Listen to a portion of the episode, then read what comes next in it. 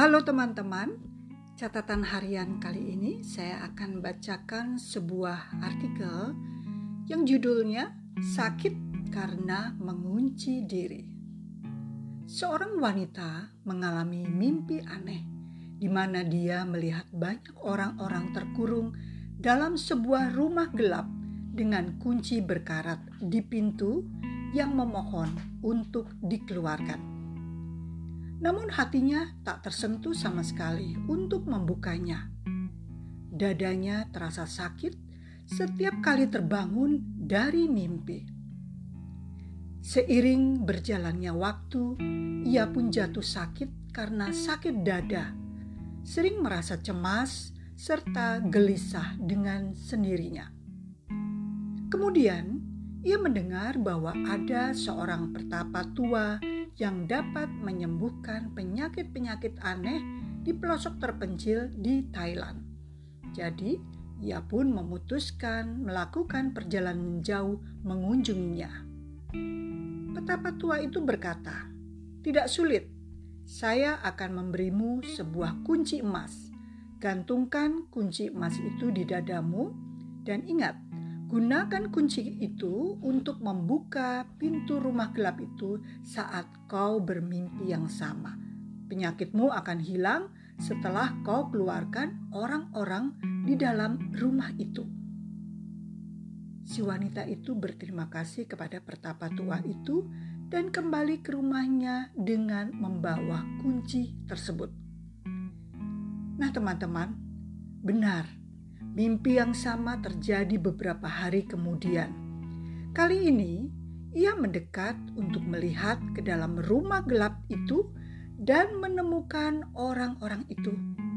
Ternyata, orang-orang itu adalah orang-orang yang ia benci, seperti ibu mertua yang biasa memakinya, seorang tetangga yang sering menjelekannya, pacarnya yang dulu meninggalkannya seorang teman masa kanak-kanak yang pernah mendorongnya ke parit kotor dan membuat dia hampir tenggelam.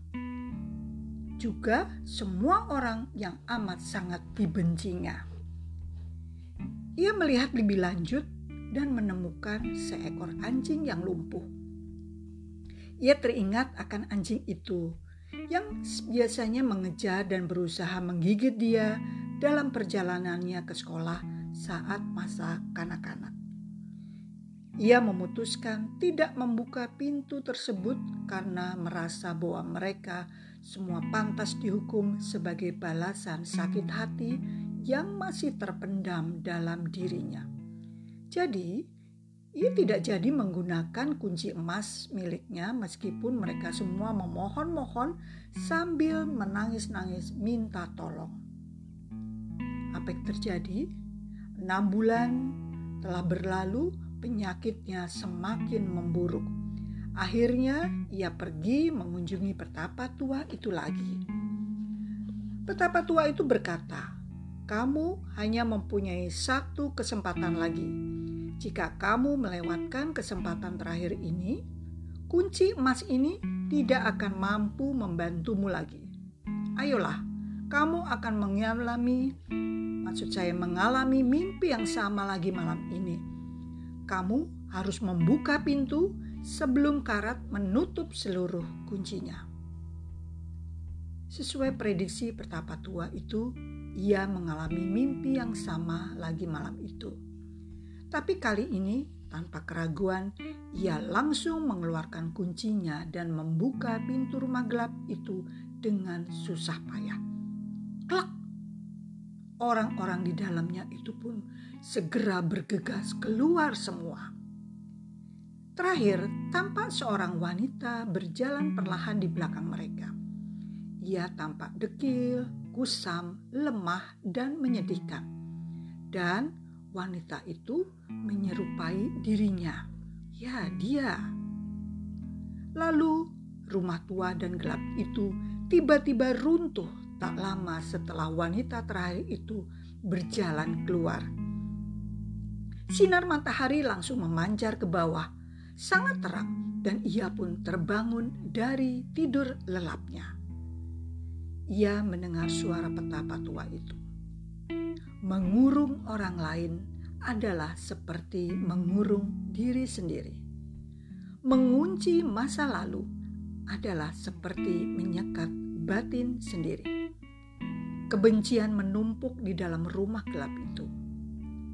Buka jendela maaf, buka juga pintu pertobatan, dan biarlah sinar matahari kedamaian masuk ke dalam. Entah kenapa, penyakit wanita itu pun segera hilang dengan sendirinya. Matanya tampak berbinar, wajahnya tampak cerah, dan ia tampak kembali sehat segar berseri. Apakah kita masih memiliki rumah gelap di dalam batin kita? Mari kita refleksikan. Janganlah menyimpan dendam dan benci yang kuat di dalam batin. Berusahalah untuk menyapu dan membuang sampah yang tak berguna di gudang kesadaran kita.